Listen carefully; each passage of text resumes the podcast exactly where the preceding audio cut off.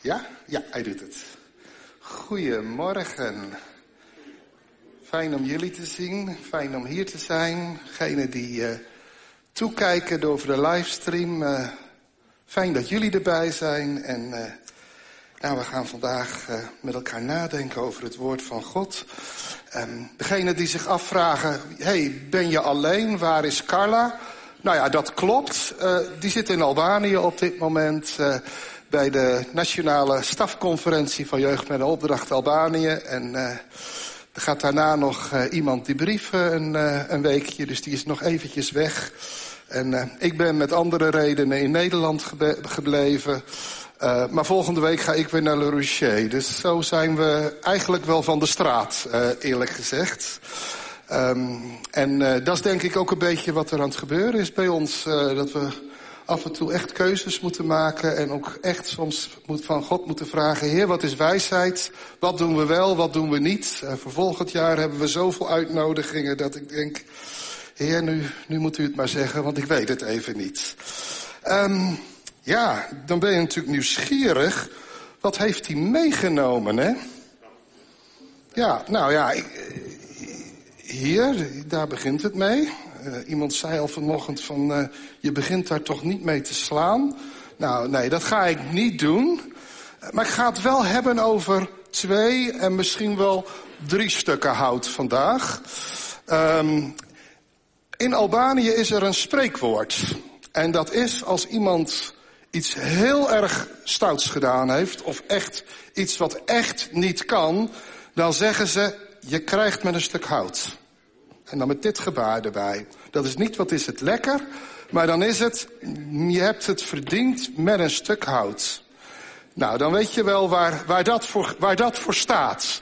Dit staat voor dat Albanese spreekwoord, woord, um, dat um, je krijgt met het stuk hout. En dan bedoelen ze er iets heel onvriendelijks mee, uh, maar wel zoiets als je hebt het helemaal verbruikt. Ik heb nog een stuk hout meegenomen. Ja, het is, uh, even je dat goed kan zien, dat is brandhout. Uh, ik weet eigenlijk niet zo goed wat je daar nog mee moet, behalve het, dat het verder verbrandt en er niks van overblijft. Uh, het is wat bros, dus je kunt het ook eigenlijk niet meer gebruiken om nog iets van te bouwen of te maken. Het is niet meer zo stevig. Het, uh, het stinkt, het is vies en uh, ja, ook dat stuk hout heb ik uh, meegenomen. En dat is brandhout. Oeps, en toen ging er een stekker mis. Ik weet niet wat er gebeurt.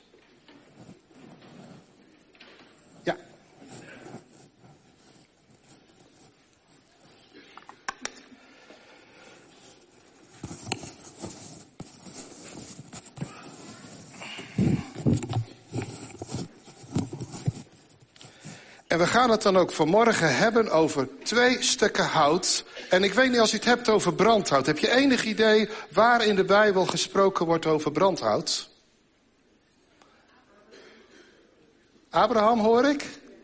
Ja, nou, wat zeg je? Zacharia, ja. We gaan een stukje lezen vanuit uh, Zacharia hoofdstuk 3. Um, Zacharia hoofdstuk 3, daar, uh, daar lezen we het volgende. Toen liet hij mij de hoge priester Jozua zien en hij stond voor de engel van de Heer. Rechts van hem stond de duivel om hem te beschuldigen. Maar de Heer zei tegen de duivel, hoe durf je hem te beschuldigen, duivel? De Heer die Jeruzalem uitkiest, zal jou daarvoor straffen. Deze man is gered zoals een stuk hout gered wordt uit het vuur. Jozua stond daar in vuile kleren voor de engel. Toen zei de engel van de Heer tegen hen die bij hem stonden, trek hem die vuile kleren uit. En tegen Jozua zei hij, zoals ik je die vuile kleren uittrek, zo doe ik ook je schuld weg voor alles wat je verkeerd hebt gedaan. Ik geef je feestkleren om aan te trekken. En ook zeg ik, zet hem een schone tulband op zijn hoofd. Toen zetten ze een schone tulband op zijn hoofd, trokken hem mooie kleren aan en de engel van de Heer stond erbij.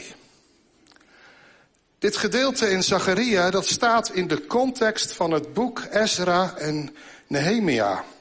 En eigenlijk is Ezra en Nehemia in het Oude Testament is eigenlijk één boek. Wij hebben er twee boeken van gemaakt, maar het is eigenlijk één boek wat achter elkaar door geschreven is. En, wat gebeurt er als ik, als ik die geschiedenis even in een notendop uh, jullie daarin mee mag nemen? Um, in de eerste plaats zijn, die, zijn de Israëlieten zijn weggevoerd uit Jeruzalem, zijn, zijn 70 jaar in ballingschap geweest. Waarom?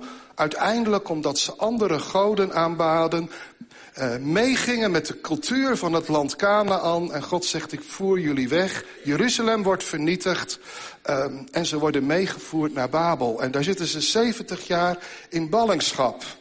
En na 70 jaar is daar uh, de koning Kores die uh, besluit dat, dat, uh, dat een deel van de Israëlieten weer terug mag naar Jeruzalem onder leiding van Serubabel. En wie was Serubabel? Was eigenlijk een kleinzoon van, van de laatste koning van, van, van, van, van Israël. Dus uh, ze gaan terug met een groep en de, een van de priesters die meegaat, dat is Joshua, de hoge priester van die tijd. En ze komen daar aan in vijandig gebied. En je zou denken, als je in vijandig gebied uh, de stad weer wil herstellen, ik zou beginnen bij de muren. Dan ben ik tenminste veilig. Maar zo gebeurt het niet. Ze beginnen bij het altaar. Het altaar wordt hersteld. De schuldoffers, de brandoffers, dat wordt weer hersteld. Daarna leggen ze de fundamenten van de tempel. En, en langzamerhand wordt de tempel dan ook weer herbouwd. Dat lezen we allemaal in het boek Ezra. Maar halverwege dat ze met die tempel bezig zijn, uh, komt er zoveel intimidatie van, van, van de mensen om hun heen, dat het werk komt uiteindelijk helemaal stil te liggen. En, en ze gaan daar niet mee verder. Um, totdat de profeten Haggai en Zacharia samen opstaan met een aantal andere profeten. En uh, die beginnen te zeggen, ja maar God heeft gesproken. Jullie moeten je niet bang zijn. Ga nou door met die tempel te herbouwen. Um, en dat gebeurt dan ook. Um, en en de, er is inmiddels een andere koning gekomen en uh, die, die gaat nalezen wat er dan gebeurd is onder de tijd van koning uh, Kores. En uiteindelijk is het dan onder, onder deze man, Darius, dat toestemming gegeven wordt om de tempel verder te herbouwen. En dan komt vanuit Vanuit Babel komt dan de, uh, de priester Ezra met een groepje, speciaal als, als wetsgeleerde, als, als theoloog zouden we vandaag de dag zeggen, uh, om het volk extra te gaan onderwijzen in het woord van God. En zo is het niet alleen maar weer de altaar en de tempel, maar komt ook het woord van God weer opnieuw tot zijn recht in Jeruzalem. Toch is er dan ook een probleem. Halverwege in dat boek Ezra, dan, dan lezen we dat een aantal van de zonen, notabene van de hoge priester, en een heel aantal andere Israëlieten, toch weer getrouwd zijn met de vrouwen uit de, uit de, omgeving. En, nou, en, dan, dan, en dan, dan is dat niet in orde. Dan zegt God van, hé, hey, wat jullie denken dat een huwelijk is, dat is niet zoals ik het gezegd heb. En er is verootmoediging, er is, er is berouw. En, en, en, die, en die vrouwen worden weggestuurd. Er zijn zelfs kinderen bij betrokken, staat er in het boek Ezra. Dus dat is nogal wat. Hoe God daar spreekt in die tijd om te zeggen... ik wil die vermenging met die cultuur, die wil ik niet. Zo heb ik het niet bedoeld. Um, en daarna komt, komt Nehemia. Nehemia die, eh, die hoort in Babel van, van dat, dat de poorten en de muren nog niet hersteld zijn. Krijgt toestemming van de koning om te gaan. Um, en hij, hij begint met het herstel van die, van die muren van, uh, van Jeruzalem. En uh, ook dan is er weer heel veel strijd. Maar een van de dingen waar het voortdurend over gaat in het boek Nehemia is... laten we ons intimideren door de vijand... Of doen we wat God tegen ons gezegd heeft? En het tweede, waar het steeds over gaat, is: vermengen we ons nou weer wel met die culturen of vermengen we ons niet met die culturen? En ook daar gebeurt het weer dat, dat, uh, dat er opnieuw uh, huwelijken gesloten worden. En Nehemia, die, als die dat hoort, en Ezra, als ze dat horen, scheuren ze hun kleren en zijn, zijn uh, diep verontrust. En ook dan is er weer bekering en berouw nodig. En dan, en dan op een gegeven moment, dan, dan zegt Nehemia van... hé, hey, jullie mogen op de Sabbat niks doen. Maar ja, wat gebeurt er dan? Dan komen de, de, dan komen de, de, de omliggende volken, die komen s'nachts aan de poort... om toch stiekem handel te drijven. En dan, dan gebeurt er van alles in de nacht, wat overdag niet zichtbaar is. En dan eindigt het boek Nehemia met, met, met de regel van Nehemia... dat de poorten s'nachts gesloten worden en overdag open moeten zijn. Zodat, zodat overdag kan het volk naar buiten, maar s'nachts kan de vijand niet naar binnen. En dat is bedoeld zodat die vermenging niet kan plaatsvinden. Ik ga daar straks op terugkomen.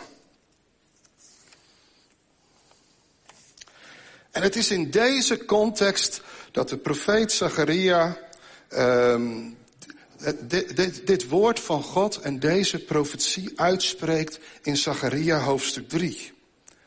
Um, wat zien we dan? Het is in de eerste plaats een rechtszaak. De engel van de Heer is de rechter. Nou, dat is, dat is Jezus over, in, het, in het Oude Testament. En ook hier kunnen we zeggen, zeer, hè, dat, dat, dat, daar wordt gesproken over God zelf, over Jezus die recht spreekt. En dan staat, en dan staat daar de hoge priester Joshua als vertegenwoordiger van het volk.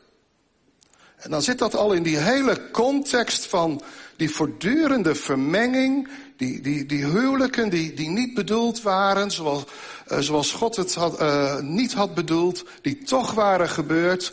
En, um, en, dan, um, en dan is daar Satan die staat aan te klagen. Dit klopt niet, dat klopt niet. En je zou bijna kunnen zeggen, ja, eigenlijk heeft die aanklager wel gelijk, hè? Eigenlijk klopt er ook van alles niet. Dat stukje hout, daar is die aanklager voortdurend mee bezig. En dan gebeurt er iets heel bijzonders op dat moment als de engel van de Heer gaat spreken. Als Jezus gaat spreken. Eigenlijk gaat God helemaal geen recht, geen recht spreken. Hij gaat op een heel andere manier het woord voeren.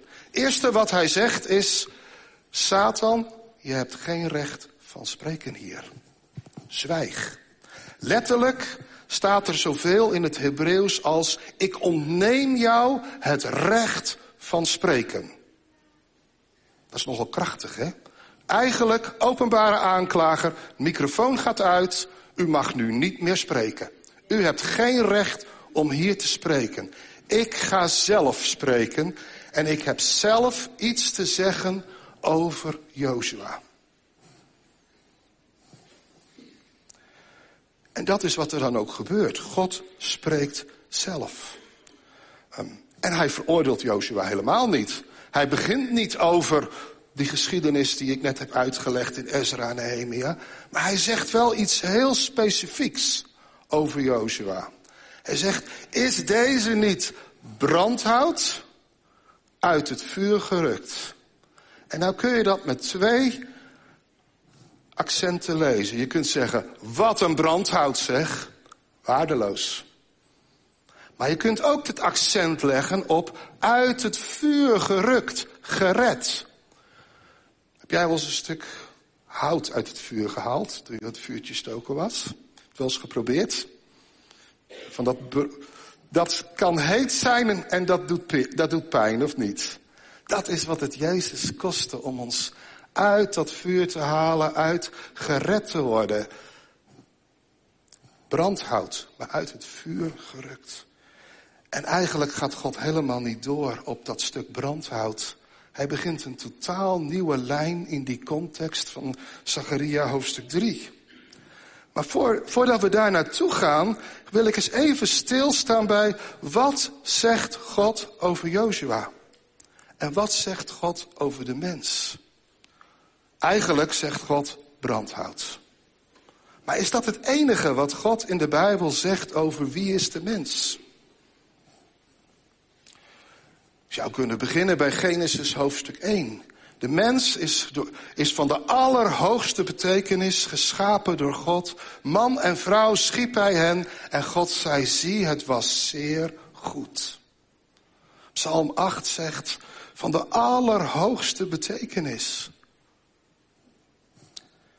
En dan komen we uit op dat hier wat God zegt, brandhout. Je zou kunnen zeggen, de mens door, na de zondeval, Genesis 3, Genesis 4, gevallen diep in zonde. De structuur en de richting van de mens is aangetast. En het, het, het, het kan als het ware bijna niet meer goed komen. En dan, doordat Jezus komt, uiteindelijk zijn we gered en hersteld door de verlossing in Jezus. En eigenlijk is alle drie waar. Ehm, we kunnen niet zeggen het een is meer waar dan het ander. Ehm, we hebben de neiging, zeker na, na de hele Calvinistische geschiedenis van, Jezus, van, van Nederland, hè, waar we heel veel nadruk is gelegd op brandhout, zonde, uh, het deugt niet, om het maar eens even heel zwart-wit te zeggen. Um, om nu terug te gaan naar, ja, maar die mens is toch heel erg goed en waardevol en oké.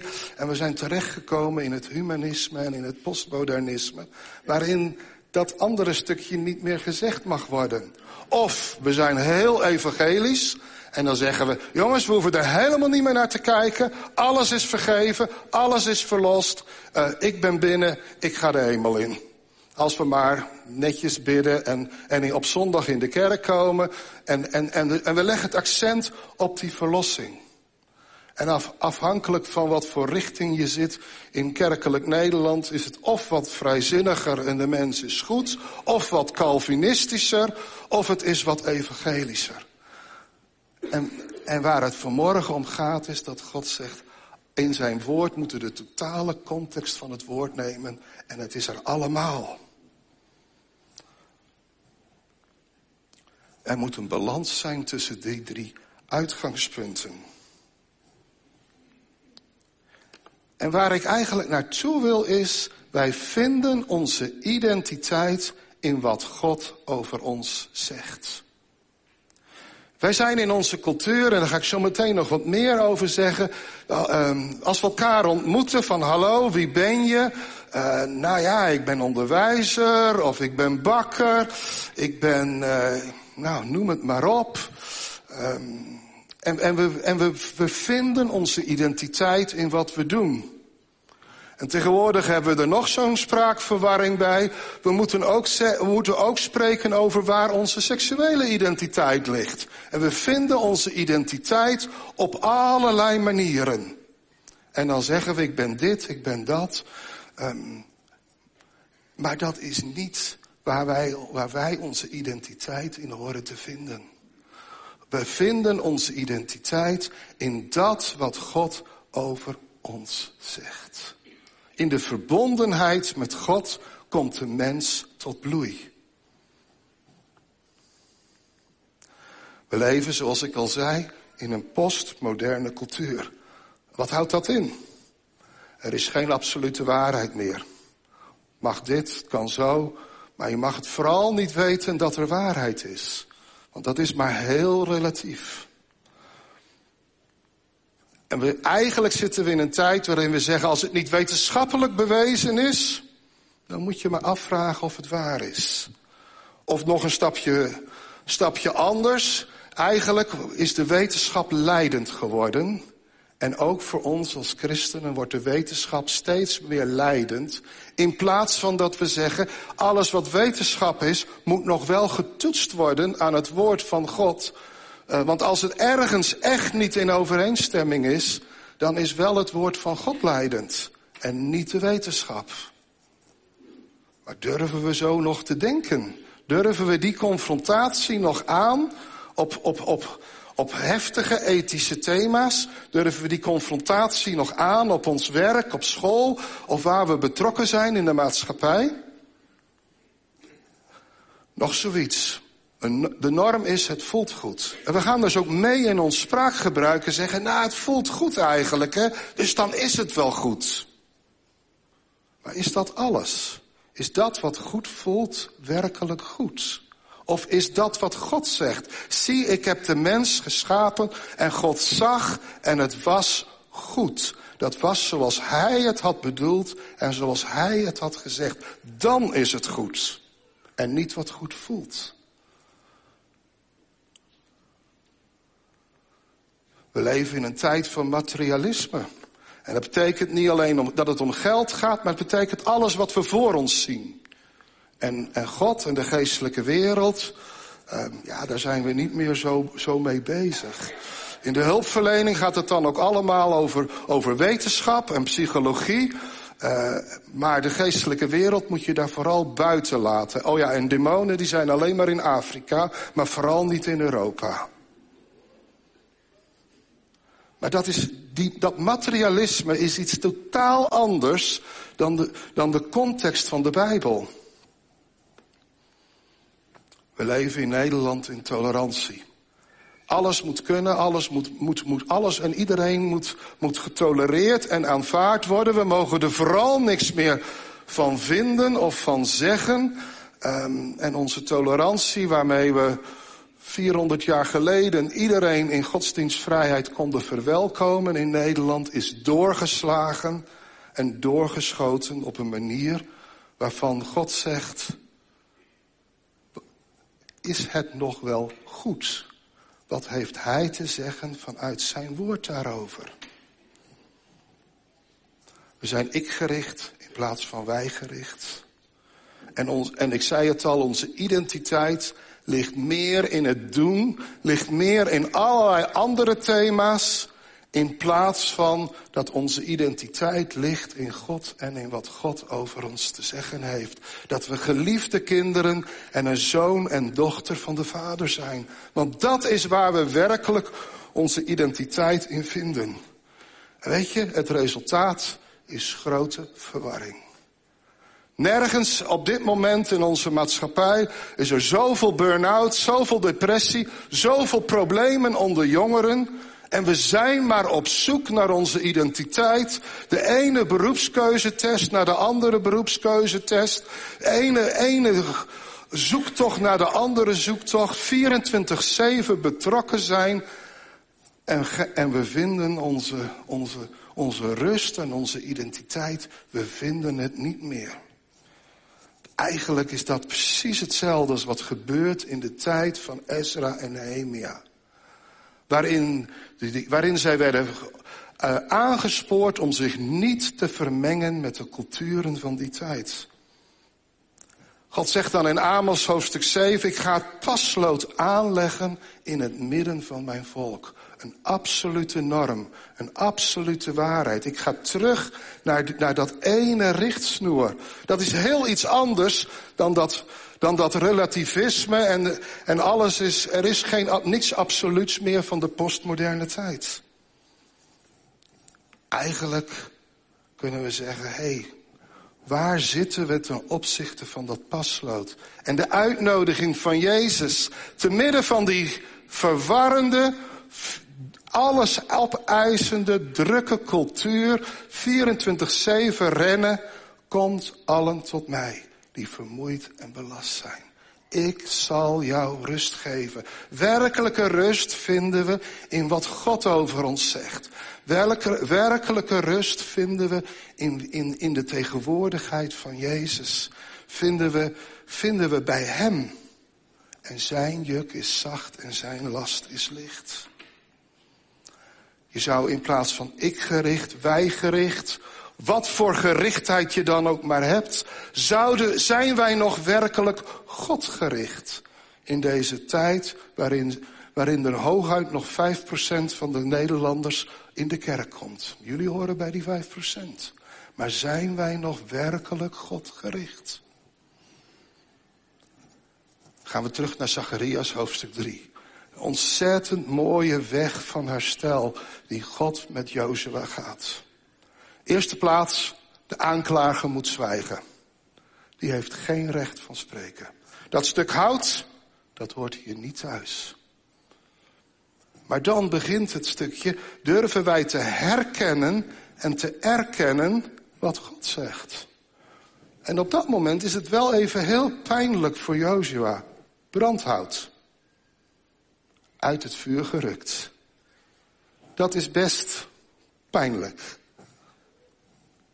En dan gaat het nog een stapje verder. Um, God veroordeelt niet, hij wil die groei en dat herstel. Maar als de stap verder gaat, dan, dan wordt Jozua zelfs de vuile kleren uitgedaan. Nou, dat is wel heel kwetsbaar. Hij komt in het licht, maar hij wordt ook gereinigd.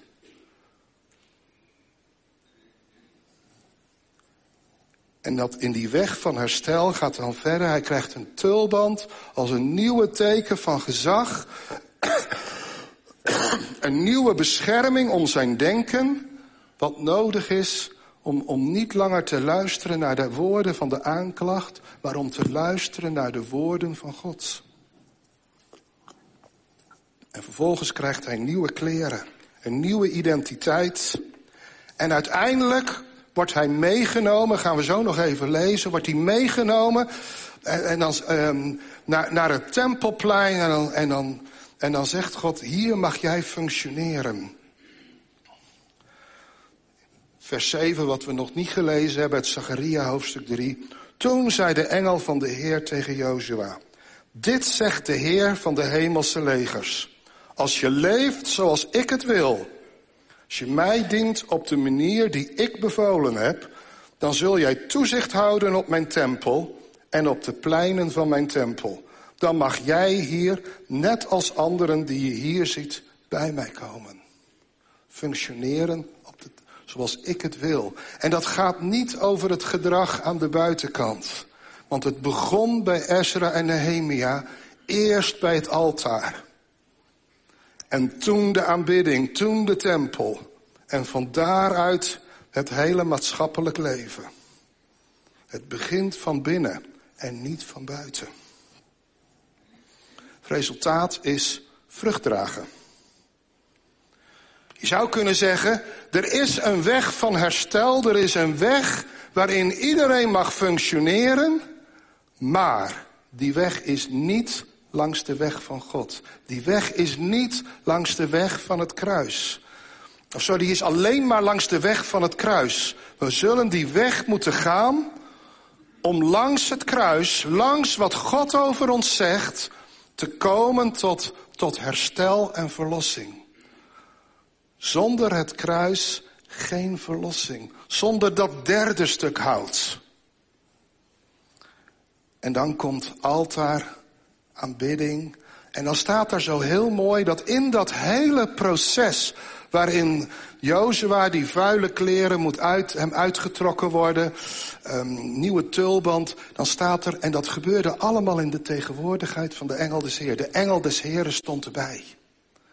Weet je, dat herstel, dat gebeurt niet als een soort gedragsmatige verandering. Dat gebeurt alleen maar in de tegenwoordigheid en in de, in de relatie met Jezus Christus. In, in de verbondenheid met Hem. Terwijl de engel des Heren erbij is. Maar dat is zo veilig. Dat is zo aanvaard. Dat is zo liefdevol. In de tegenwoordigheid van de engel des Heren klinkt dat brandhout uit het vuur gerukt anders.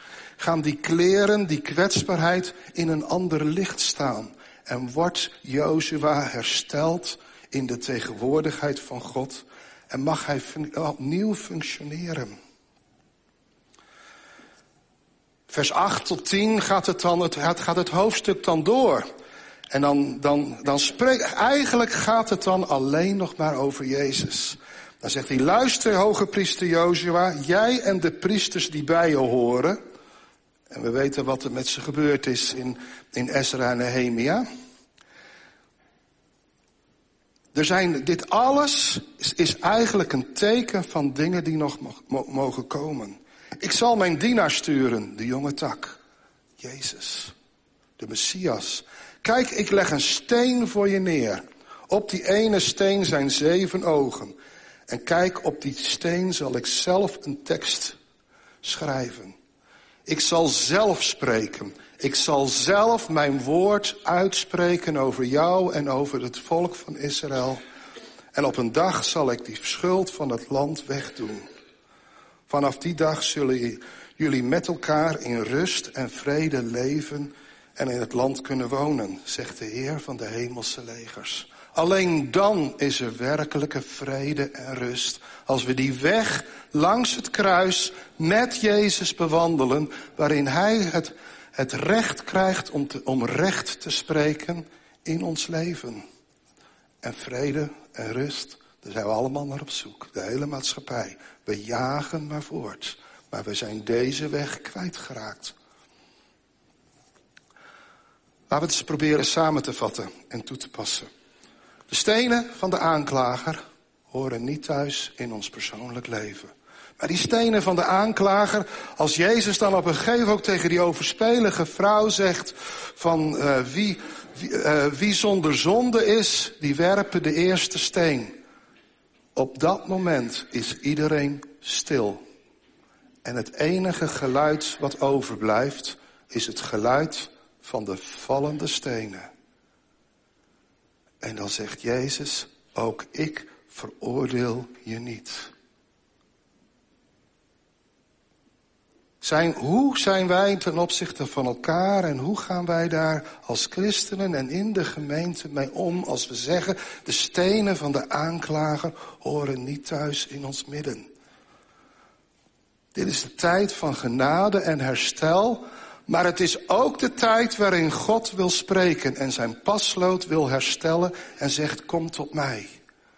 Het is niet een soort relatieve waarheid. Waar komt dan die postmoderne cultuur, jou en mijn en ons leven binnen? En hoe verhouden wij ons daartoe?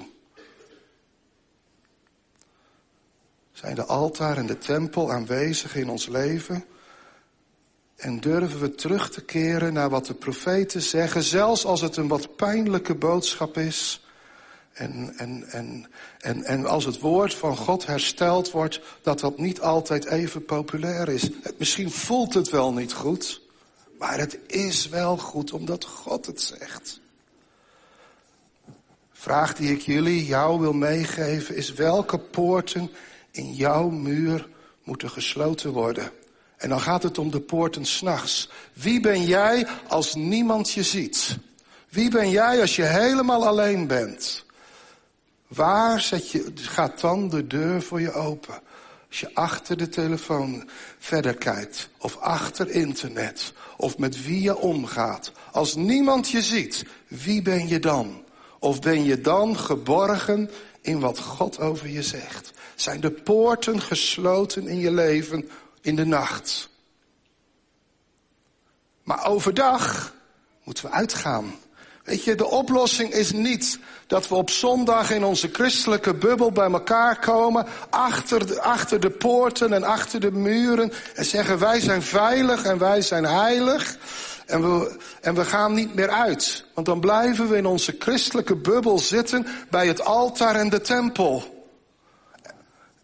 Maar God zegt overdag, die poorten moeten open, ga die wereld in. Verkondig het evangelie. Dat is waartoe we geroepen zijn. Maar dat gaat niet zonder de verbondenheid met het altaar en de tempel, met het kruis. En dat gaat, en dat gaat niet als je je alleen maar achter die muren dichttrekt. Maar, maar het is een oproep waar we nog steeds uh, aan moeten gehoorzamen. Die weg van herstel gaan we heel kort even, even neerzetten. Aangeklaagd. Herkennen wat er gebeurt in je leven. Erkennen wat God zegt. Luisteren naar Gods woorden. In het licht komen. Vergeving ontvangen.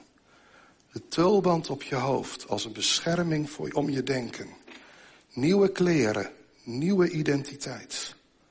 En tot slot vruchtbaar dienen van anderen. Discipelschap, evangelisatie, zending, verkondig het evangelie. Wees vruchtbaar op alle terreinen van de wereld. Niet alleen op de zending. In, in Jeugd met Opdracht zeggen we dan, in elke, elke sfeer waarin de maatschappij zich verbeweegt, daar mogen we vrucht dragen. En in de voorbereiding heb ik een soort schemaatje gemaakt.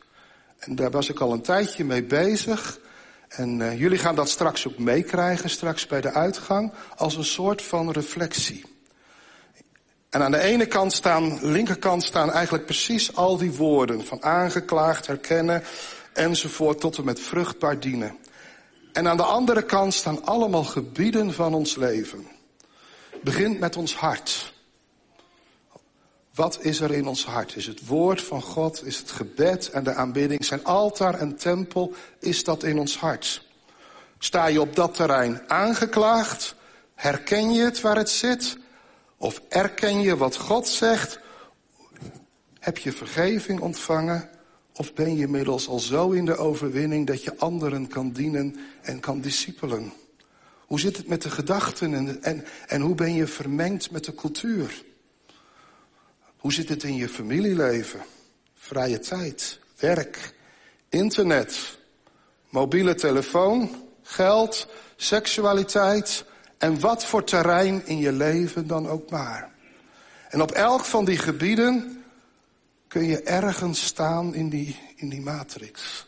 Ergens staan van aangeklaagd tot en met vergeven, tot en met vruchtbaar en dienstbaar naar de wereld om je heen. En dan denk je natuurlijk, ja, hier staat iemand te spreken, dat zal allemaal, en is bovendien zendeling van mijn oren, dat zit allemaal wel ergens onderaan, vruchtbaar, uh, dienstbaar, bediening enzovoort. Nou, ik ben hier best ook wel eens even mee bezig geweest. En ik kan niet zeggen dat op al die gebieden dat ook even goed is, maar God wil, God wil wel dat ik ga groeien.